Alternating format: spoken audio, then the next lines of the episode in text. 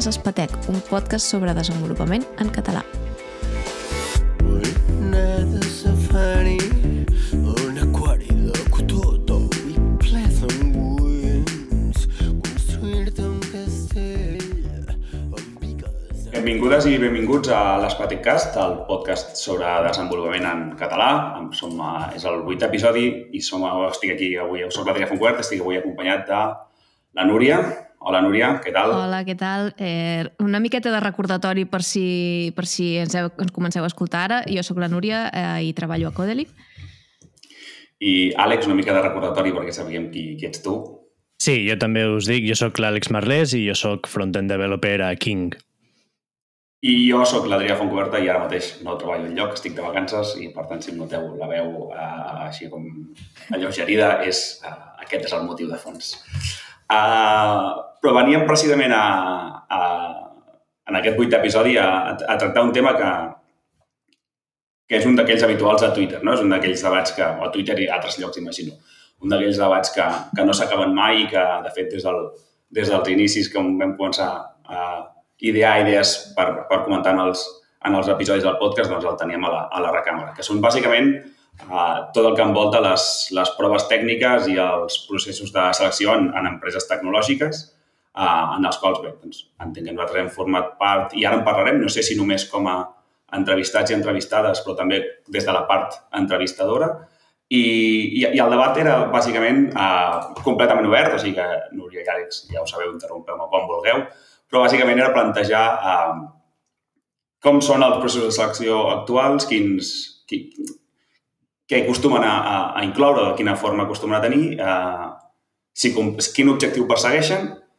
i, bueno, i si, bàsicament, si, si els que heu viscut o els que coneixeu us fan el pes o no i si us semblen que, que és la millor manera de- d'aconseguir el, els seus resultats. Va, vinga, qui es, llença, qui es llença primer a la piscina? Jo tinc moltes opinions, me'n sobren. Va, doncs Núria, comences tu.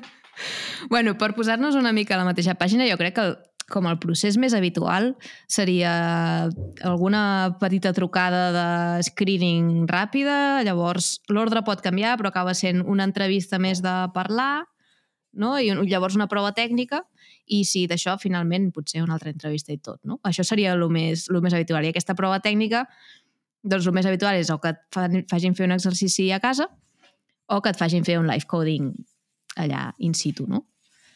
Seria més o menys l'experiència més habitual, creieu? Sí, Sí, sí, sí. Eh, doncs és una puta merda. o sigui, Per què? jo- Explica'ns. la part, la part, de, no? la part de, de la prova tècnica, o sigui, em, per què? Quin, quin objectiu hi ha? O sigui, perquè hi ha el... Si em dius és que has de, has de saber si aquella persona sap programar, hòstia, tio. mm, eh, D'avui hi havia un fil a Twitter no, que ho deia, en plan, no pot ser que hagis estat 10 anys i, i currant en aquesta indústria i, no, i hagis enganyat a tothom i no sàpigues programar, no?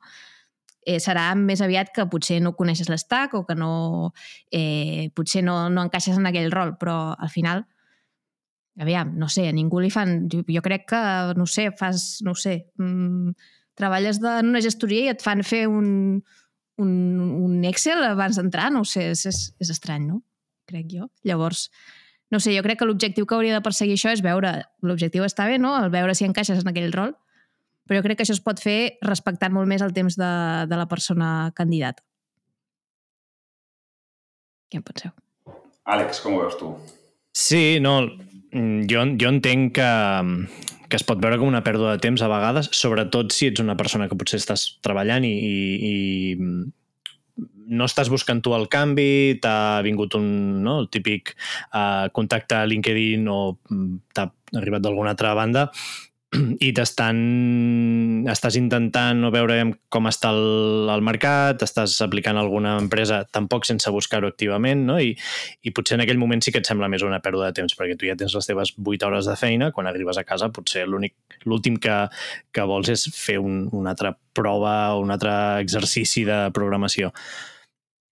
Per altra banda, um, potser és perquè no m'hi he trobat o, o jo no he estat en un procés des de la banda, diguéssim, de l'empresa o des de la banda entrevistadora, jo no he estat en un procés on, on no fem servir una prova tècnica, no no sabria veure potser uh, certes coses o certes habilitats de, del candidat si no és veient uh, algunes parts del codi. Mm, aquí suposo que també podem entrar en, en si, per exemple, sempre fas servir la mateixa prova i llavors tens, hi ha uns, uns punts que valores i que dius, val, doncs fins aquí ha d'haver-hi certs uh, certes parts del codi que han de ser d'una manera o que espero veure un cert nivell o un cert plantejament o si fas servir cada vegada una prova diferent, llavors aquí ja és més com de feeling, no? I potser s'apropa més en el... Jo crec que en aquest cas potser sí que t'aproparies més en el fet de, doncs, potser no facis prova tècnica i, i parla-ho, no? Eh, potser fas un, no un live coding, però sí fer un, una xerrada mm, teòrica no, amb aquesta persona i anar tocant diferents temes per veure si domina. No Jo sé si vosaltres heu vist algun... O sigui, heu provat alguna alternativa a les proves tècniques pures i dures de fer a casa i després mm, revisar. De, de fet, la part de la prova tècnica a casa, o sigui, aquesta mena de deures, per dir d'alguna manera, no? o et donen un... La teva, vull dir, és un, un, un enunciat amb, un, amb, no? amb unes restriccions i et diuen normalment no tardis més de tant temps, no? O tinguem-ho part del dia. El que, el que al col·le en dèiem deures. Sí, sí, qual.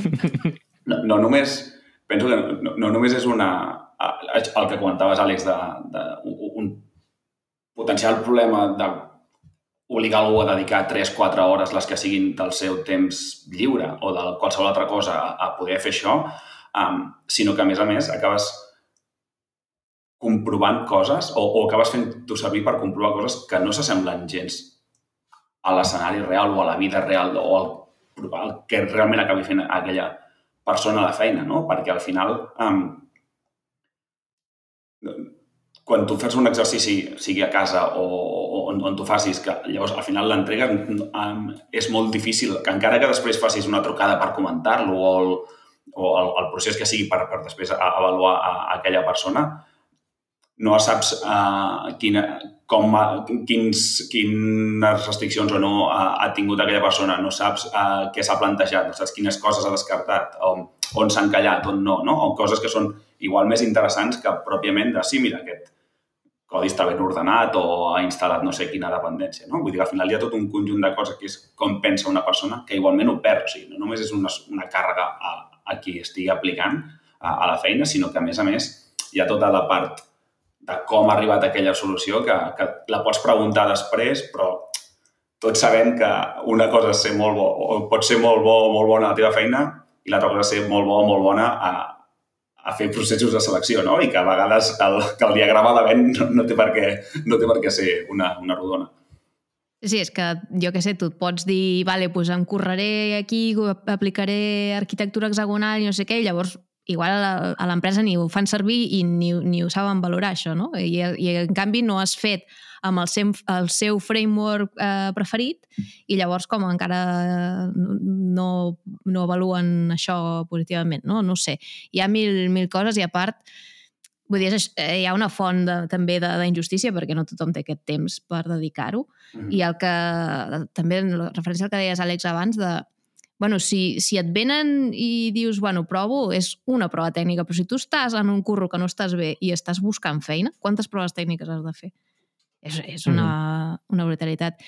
Jo, jo sóc molt anti, eh, tant per, tant per rebre-les, o sigui, jo de, de, de passar un procés de selecció on em facin fer prova tècnica, he fet una prova tècnica a la meva vida, no vaig dir mai més.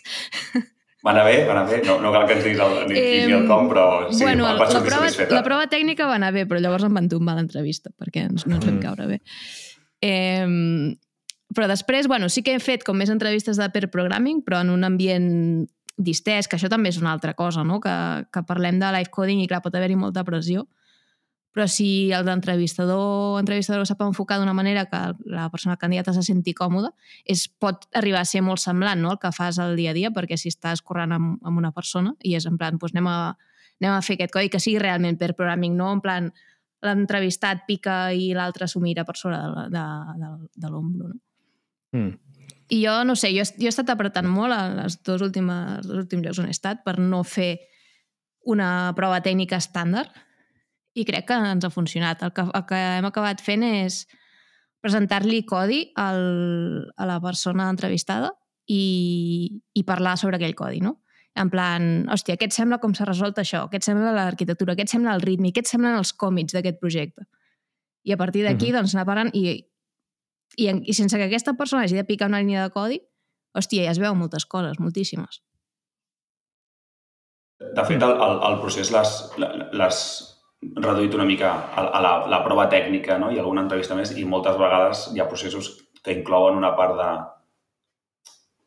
més, més um, um, de pu- purament programar o d'escriure o, o donar volta sobre un tros de codi i tota una part també uh, com més de disseny de sistemes o disseny d'arquitectura o digue-li com vulguis en funció del, del rol que sigui, no? però també una part de, que aquesta potser és més interessant perquè sí que és, al final és tenir una conversa com, qui, com la que estem tenint ara no? i parlar sobre, doncs, uh, imagina que has de muntar no sé quin servei per no sé què, i quin, què tens en compte i què no. I aquest moment és... Això no, a, a nivell de, de la persona entrevistada no, no, no ha de preparar res a casa, per dir-ho així, a part de sa- saber-se la, la seva feina, que jo entenc que és la gràcia de les entrevistes, però és una cosa que, dura, que és en aquell moment, que, que és una conversa oberta i on qui entrevista pot veure doncs, quines preguntes fa, què assumeix i què no, quines coses té en compte, uh, on, on s'encalla i on no, etc etc. I, i, I aquestes són com molt menys, uh, tinc la sensació, uh, com menys hostils, no? menys agressives, perquè com que les respostes són una mica més obertes, a vegades amb el codi em sembla que és blanc o negre, no? I tot i que en realitat no ho és, perquè sempre hi ha matisos a com es poden fer les coses, sí que no sé, si tens una prova davant o et diuen que facis X exercici, eh, allò moltes vegades o funciona o no funciona, no? I igual la persona que està fent eh, el procés pensa que el més important és que funcioni en comptes de ensenyar com pensa, no? o quin és el, sí, quin és el, el, el model mental que va servir per desenvolupar. Llavors, és com molt més estressant. Um, crec que és superimportant el que has dit, Núria, de, del, com, quina és l'actitud o la, la forma de, de guiar aquella persona de, de qui sigui que està gestionant la prova, sigui no sé, qui, qui, qui, la, qui dirigeixi aquella, Sí. la trucada o aquell procés, crec que és, és brutal la diferència que fa de si, si ho converteix en una mena de com de- d'entrevista on, on, on és anar a veure que, que, no, que no me la colin, per dir-ho d'alguna manera, Sí. no? En comptes de convertir-ho en algo que, que al final crec que és un tòpic, però que, que és veritat, és que quan fas l'entrevista tu també estàs entrevistant l'empresa, no? I també hi ha un punt de, escolta'm, um, no, no estic jo, vull dir, no, no, no soc jo venint a demanar per favor que em, que em, que em contractis, no? També t'interessarà a tu. Vull dir, tens posicions obertes segurament, no? Si, si estem aquí, segurament també, t'interessa a tu. Uh, I més com més avança el procés, no? Si són cinc entrevistes i en portes quatre, hi ha un, una part de, de cost no? enfonsat que, que bueno, ara ja en porten quatre, també tenen ells interessos en què, ells en què, en Sí. què surti bé. I, bueno, no, no sé vosaltres, però a mi molts cops em passa de si l'estic fent jo a l'entrevista, o sigui, com a entrevistadora, o la prova, el que sigui, Hosti, jo normalment tinc moltes ganes de que aquella persona entri, no? Sobretot si ja, si ja han passat vàries i és com, va, va, va, va, que, Sí, que, que moles va, i, vull bé, treballar amb tu, bé. no? Sí, ja estàs. I, joder, que de vegades se'ns oblida això, que, que l'altra persona, si és, si és la, la persona que al final estarà corrent amb tu, doncs també hi ha aquesta part i, i que jo de vegades també he estat me, més nerviosa com a entrevistadora que com a entrevistada. Eh, perquè, mira, és, és això. I Mhm. llavors jo crec que això també hauria d'ajudar a rebaixar aquests, aquests nervis o aquesta tensió que de vegades sembla que hi ha en, un, en una entrevista, sobretot si és això, si ha de ser...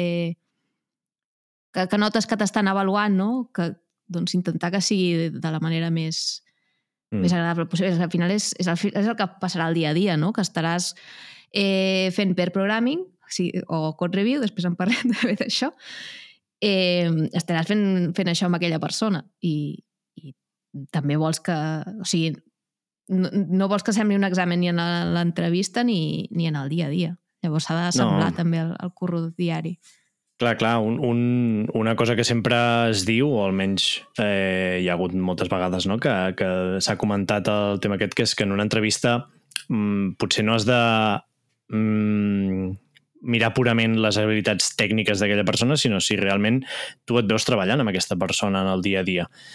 Um, ha una, una part que m'agrada bastant de les entrevistes que estic més acostumat a fer és un exercici d'algorítmia típic de, en, el fis bas, per exemple, o el buscar números repetits en una llista, problemes que són bastant bàsics, però que a mi m'agrada encarar-los amb, amb, amb boli i paper i, i amb el mínim codi possible. És a dir, fixant-me més en les preguntes que fa la persona, en les idees que té, en si fa algun dibuixet per, per, per veure com aquesta persona exemplifica el seu procés mental, eh, que és una cosa que amb la pandèmia i passant a fer quasi totes les entrevistes en, en remot, eh, hem perdut una mica, perquè ara és molt més fàcil compartir un, un link a un coacher o, o, o en un servei en el que la persona pugui començar a escriure codi i aquí ja perds una mica aquest, aquest feeling perquè la, les, els candidats normalment el, comencen ja a escriure, no? a escriure codi, a picar-lo, a no, a no comentar el que estan pensant, uh -huh. que jo és el que, el que em fixo molt, no? què pregunta i, i en què pensa o com ho estructura.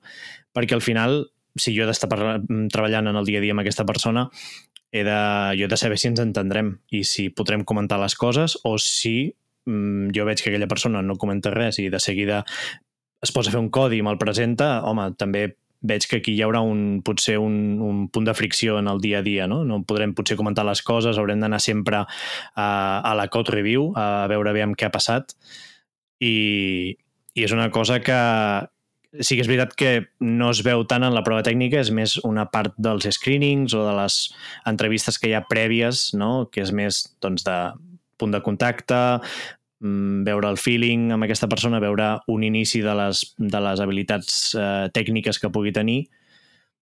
Um, però jo sí que és veritat que a vegades falta com una, una approach una mica més tècnic o més purament tècnic, que seria la prova tècnica, um, que potser és una, a vegades és també com una reminiscència de les empreses grans, no? d'haver de justificar moltes decisions.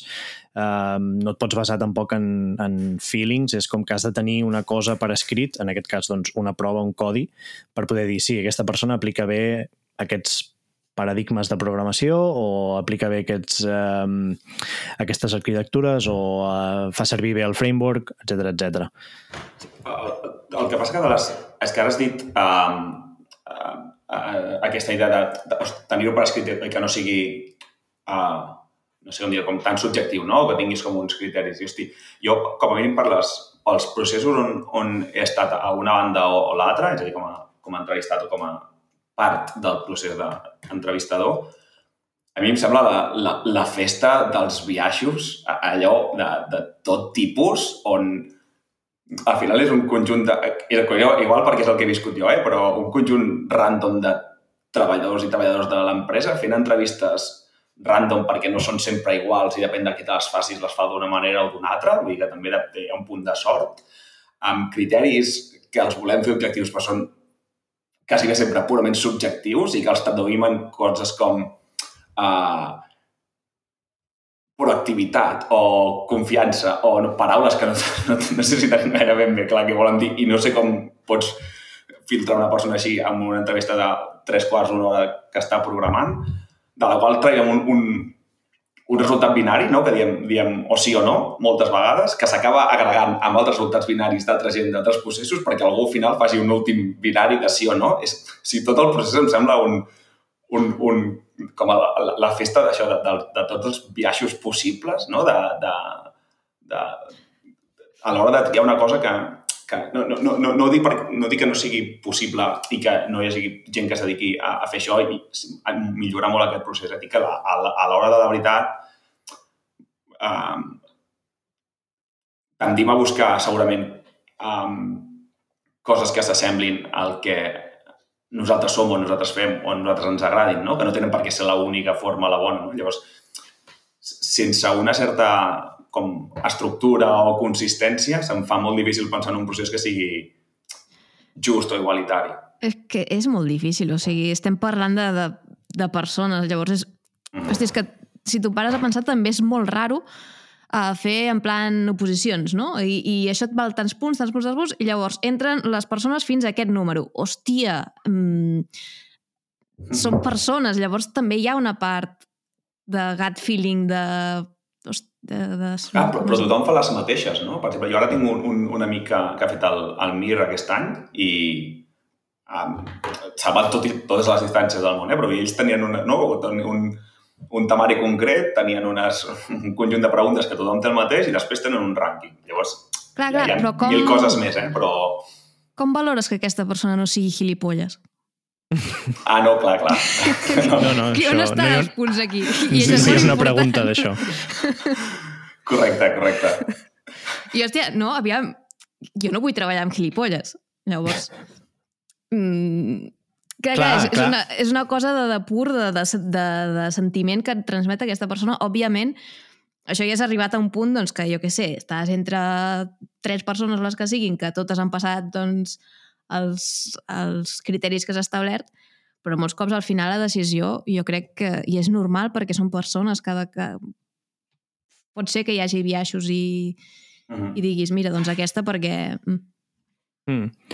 Sí, però clar, tu, el, és a dir, el, el no o el, o el rebutjar un, una persona que hagi entrat en un procés perquè tu en alguna de les entrevistes veus que no hi ha una bona sintonia o, o veus que aquesta persona pot ser gilipolles, el no sempre el pots fer servir, és a dir, al, almenys en, en les empreses que he estat jo, es valora molt el que és el, el team fit. Si tu en una entrevista, per molt bo que, que sigui el candidat o la candidata, veus que l'actitud no és prou humil o no és prou oberta, no acceptarà potser una crítica en un codi que hagi fet, veus que poden haver-hi problemes, uh, sempre s'encoratja que tu puguis dir que no i puguis rebutjar una persona per això.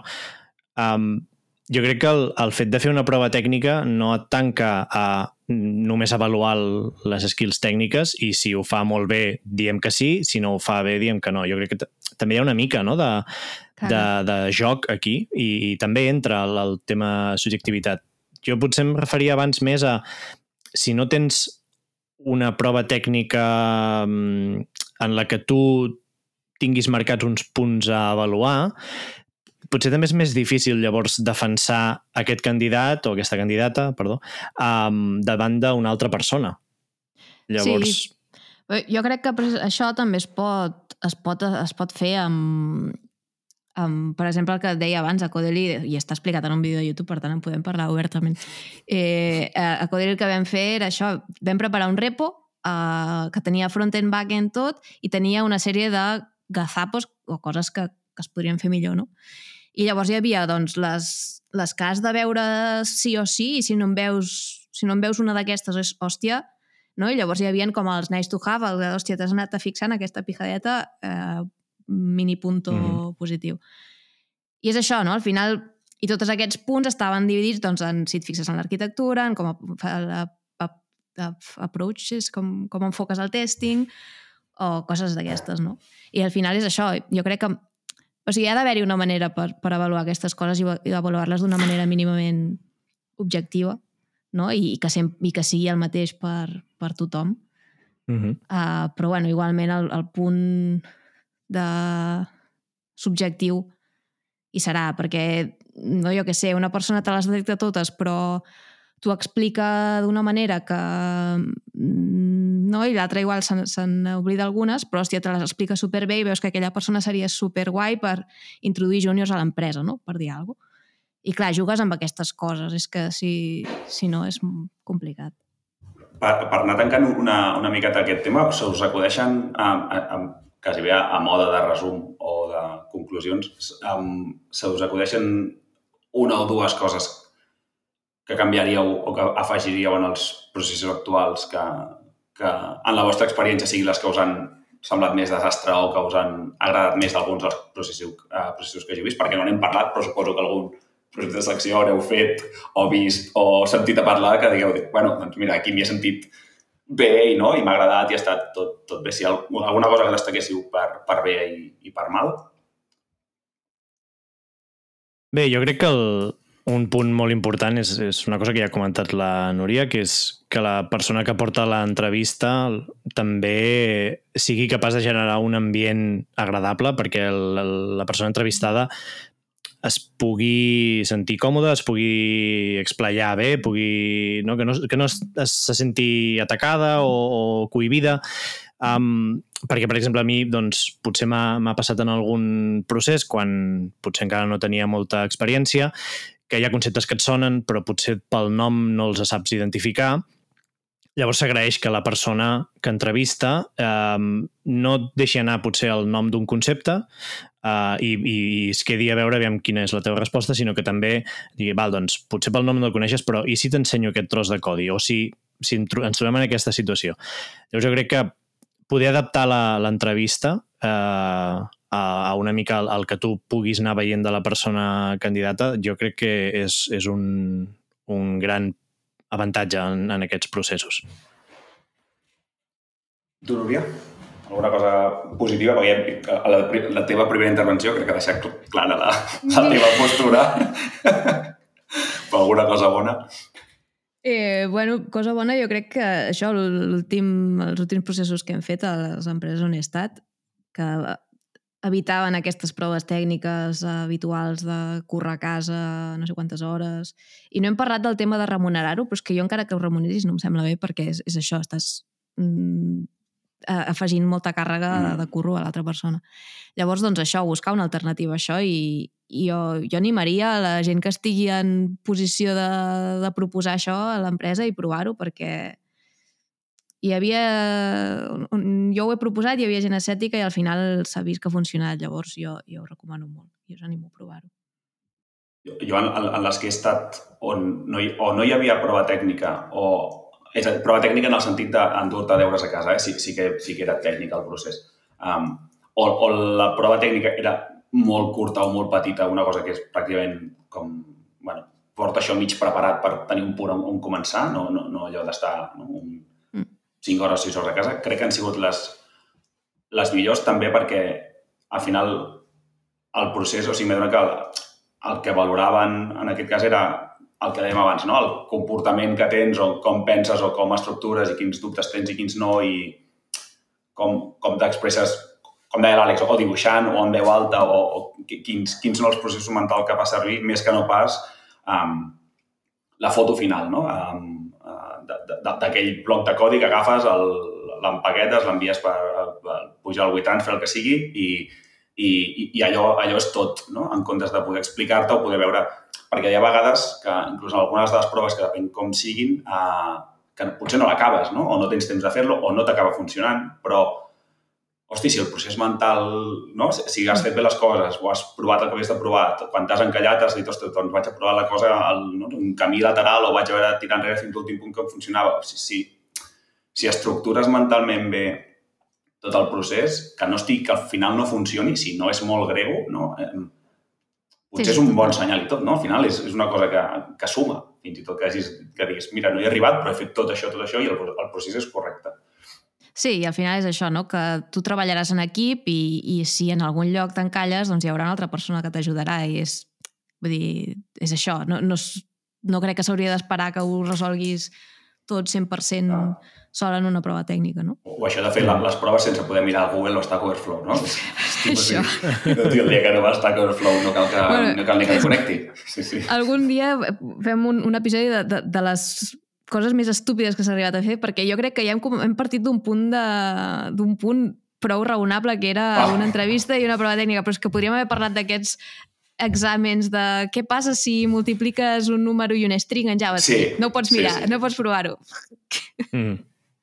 sí, sí. Jo, una altra, una altra part que potser m'agradaria explorar, i de fet això ho podríem plantejar com un, una sèrie de- d'episodis de, a tractar a la llarga, eh, el, de, el desenvolupament o el món de la programació no només eh, tracta sobre la generació de codi, aquí ara potser ens trobem tres desenvolupadors i de persones desenvolupadores i, i hi ha altres aspectes que també val la pena uh, tenir en compte. Llavors, uh, jo crec que també estaria bé enfocar o, o explorar una mica tota la part de proves tècniques o de processos de, de, de recruitment amb gent, doncs, per exemple, de, de quality assurance o de producte inclús, Mhm. no? veure quin, quins són els punts de contacte que nosaltres, o els problemes que nosaltres identifiquem, si també els tenen aquesta gent, o, i, o, i, com, i com han potser aconseguit solventar-los, no?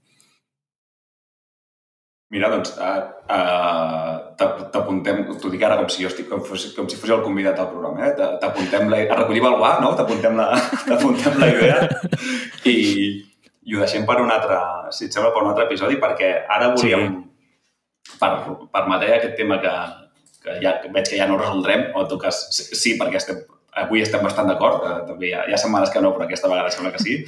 Um, volíem passar a comentar el, el, el drama de la setmana, Um, el presento jo mateix, si vols, directament, i el comentem. És bàsicament uh, un tuit que va fer, que va escriure Matt, Matt Ricard, uh, un senyor que jo no coneixia, que em sembla que ara treballa a Google, si no m'equivoco, uh, on bàsicament el, el tuit deia... Eh, el, ell compartia tot, un, tot una, un text que no, no sé on estava escrit, però bàsicament deia against pair programming i ell bàsicament un titulava dient hire drivers not passengers, eh, és a dir, contracte conductors i no passatgers, amb clara referència a aquests dos rols, no? hi ha en pair programming, que hi ha el, el driver que és qui, en teoria, no? sobre el paper, qui, qui, es, qui diu què escriure i, i i, el, i el, el, al revés, no? I, el, i el passenger que és eh, el, qui, el que escriu. Ho he dit just al revés, però ja s'ha entès la idea. Um, bàsicament, el, el, en el tuit el que venia a dir aquest, uh, el Matt Ricard és que, uh, bàsicament, que, que, que és una idea terrible, uh, tal qual, uh, tot i que ja, ell ja sabia que és una cosa part del, de, de l'Agile Software Development, però que és una idea terrible, que a nivell econòmic feia servir aquesta metàfora que no sabia, o aquesta idea no s'havia dit mai, que si dues persones assegudes a un ordinador doncs, eh, redueixen l'output a, a la meitat i, i no, no surt a compte. Eh, ell també deia que la idea aquesta de tenir feedbacks, loops més curts, de tenir dues persones assegudes a l'hora de dissenyar un codi i no haver d'esperar en una code review, en un, en un pull request, um, Uh, sonava molt en teoria, però que la realitat és que tot eren detalls estilístics i superficials que, que feien era doncs, uh, alentir tot el procés, uh, que si ajuntaves gent que amb molta experiència amb poca experiència, al final uh, el que feies és uh, alentir el, la gent amb més experiència i la gent amb poca doncs, tampoc tenia um, la capacitat de posar-se no? a, a, a ritme, perquè l'altre havia agafat doncs, un rol més pedagògic uh, i tampoc no era una relació, um, diguem, d'igual a igual, um, per acabar dient que, que, que totes les alternatives com revisions de codi, uh, revisions de disseny, etc etc, eren doncs, uh, molt millors opcions i, i ell va compartir això i, evidentment, doncs, va ser aquí va sabentar tothom i va començar a sortir. Diu, la primera resposta ja comença un, diu I have a PhD, o ara he estudiat per programming, vull dir, va entrar gent en plan jo esto no he estudiat, un altre dels signants del manifest d'Agile per allà mig també dient no sé què, ja hi ha tot un, tot un, tot un espectacle de, de respostes que, que és interessant de, de llegir perquè al final així fem una mica de conya, però bueno, hi ha reflexions bastant interessants. No sé com, com ho veu viure o si esteu com molt a favor o molt en contra d'aquesta opinió o si, si veieu aquesta dicotomia entre pair programming i code reviews i pull request, eh, com, com ho veieu? Eh, eh, jo, o sigui, jo sense ser superfan de pair programming, eh, a mi és una cosa que m'agrada fer puntualment per segons quines coses, però passar-me moltes hores en pair programming és una que em drena molt mentalment. Eh, però què diu aquest senyor? Vull dir... o sigui, mm, o sigui, reduir-ho a una qüestió de, de, econòmica de dos developers fent la mateixa feina són menys efectius que dos fent... És, és, és tan... O sigui, jo pensava que ho havíem superat feia molt, aquest tema, i el tema de, de que aniràs, si s'ajunta un sènior amb un més júnior, anirà al ritme del júnior i això també és dolent, és com, tio, i com fas que aquesta persona júnior passi passi a ser mid-level o sènior, no? És, és, és amb coses d'aquestes.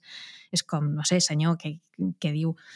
I tampoc acabo d'entendre la dicotomia que, sem que perquè arrel d'aquest tuit es va fer molt partidaris i contraris de per programming i de code review com si fossin dues coses mútuament excloents, que tampoc entenc perquè jo crec que poden conviure i, i és que jo m'agraden les dues coses, són dues dinàmiques superimportants, crec, que Mm. les faig servir sempre. Què penseu? Sí, jo, jo, opino, jo opino com tu, Núria. Al final, jo crec que la majoria de, de conceptes que anomena són intenta justificar aquesta visió tan eh, bueno, com basada en la- en en l'economia, no? en el tema de això que dèiem, tenir dues persones treballant en el mateix haurien d'estar doncs, cadascú cobrant la meitat per fer aquella feina. Al final és basar el, la sortida d'aquesta feina en, en línies de codi. No? A mi no, no em paguen per fer X línies de codi al mes, sinó per, per aconseguir uns objectius um, que afectin a l'empresa o afectin a l'equip o afectin a, a mi personalment a, a la feina o el que sigui. No?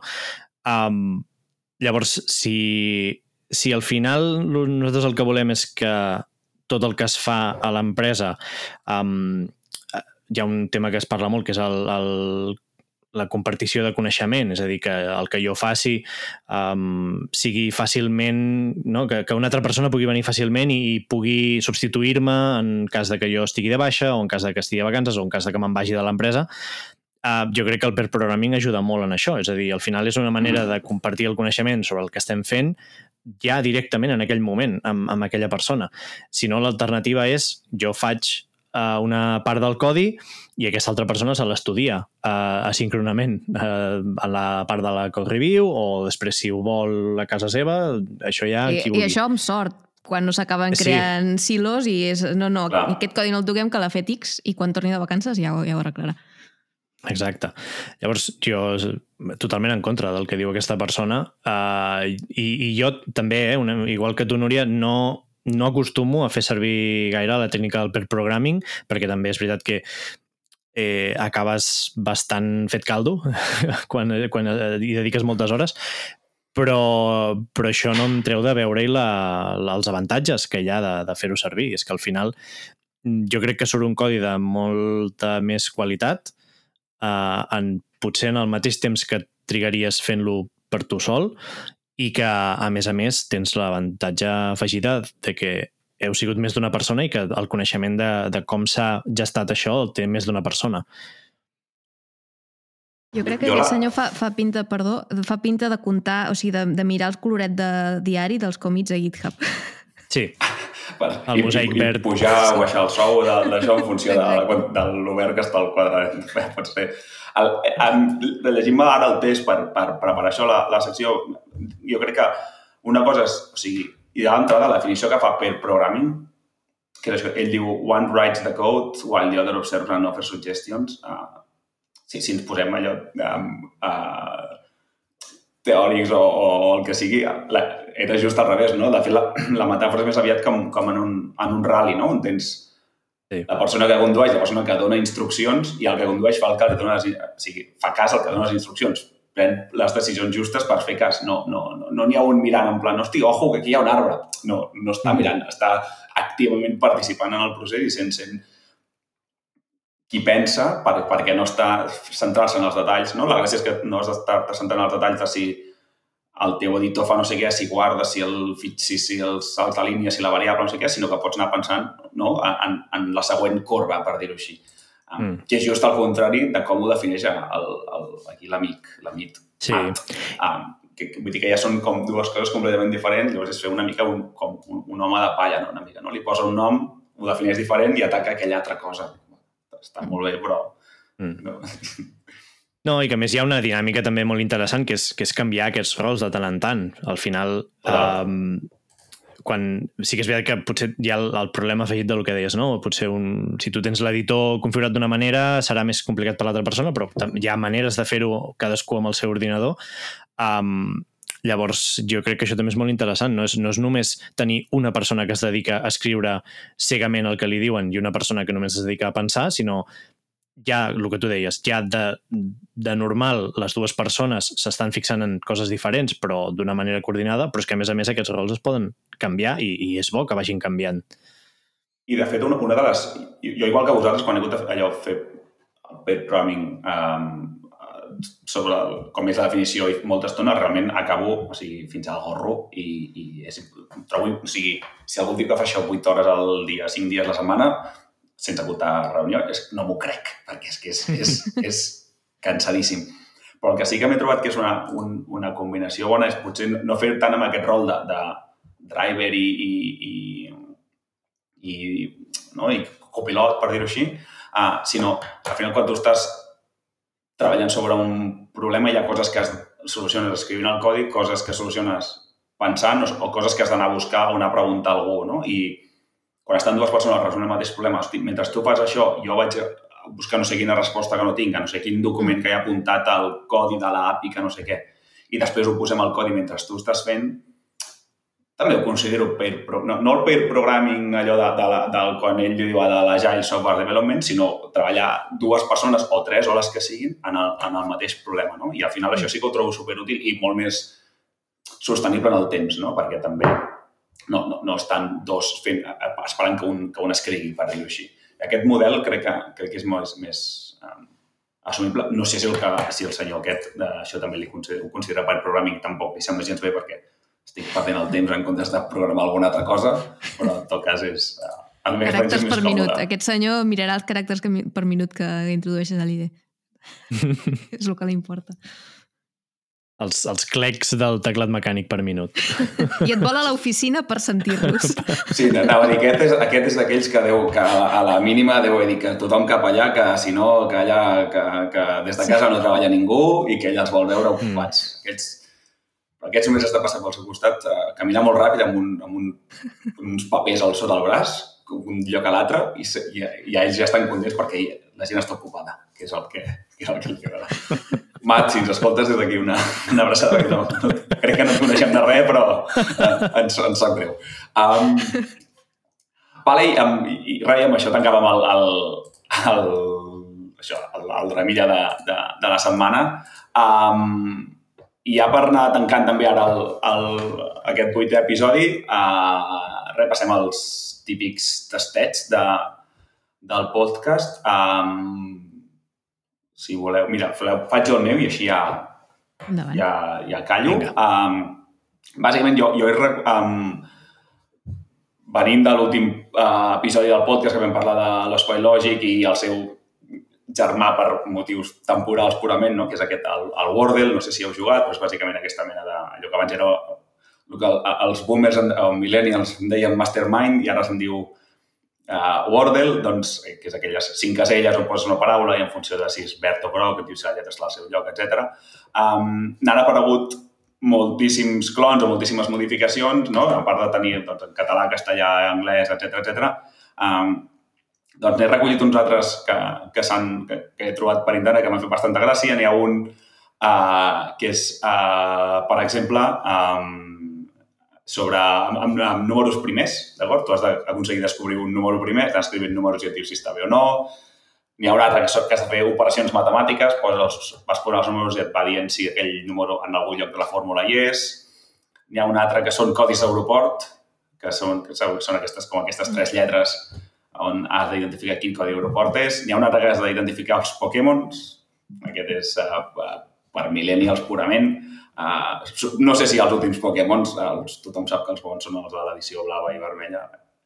I, i l'altre que he recollit és un que també, que mira, que m'ha fet molta gràcia, és un que, que és el que es diu en Chessel, que és de- d'escacs, que hi ha moviments i ja estan endevinant en quin ordre estan fets, que aquest em sembla també ja um, extraordinari. Són tots la mateixa idea uh, i tots són Nerdel, Primel, Airportel, Squirtle, aquest era fàcil, i, i, i tots, He de dir, m'ha decepcionat perquè l'he vist aquí apuntat ràpid i he llegit Chisel, de cheese, i pensava que era de- d'un Ah. tipus de formatge i estava molt emocionada, però llavors he vist que no. Mira, uh, vaig a, el busco perquè si, si no hi és ja, ten, ja, tenim, ja tenim idea. Pel... Vale.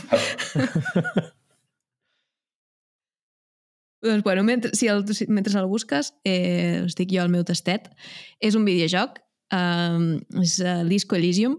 És un joc que encara no me l'he passat, és, és més llarg del que pensava. Eh, al final és una mena de, de role-playing game, però sense lluita, vale? és tot de diàlegs i, i al, eh, al final és un, un tio que es desperta un dia amb una ressaca de, de l'hòstia, tanta ressaca que no sap ni qui és, ni com es diu, ni, ni, què, ni què fa amb la seva vida. I llavors eh, et despertes i has de...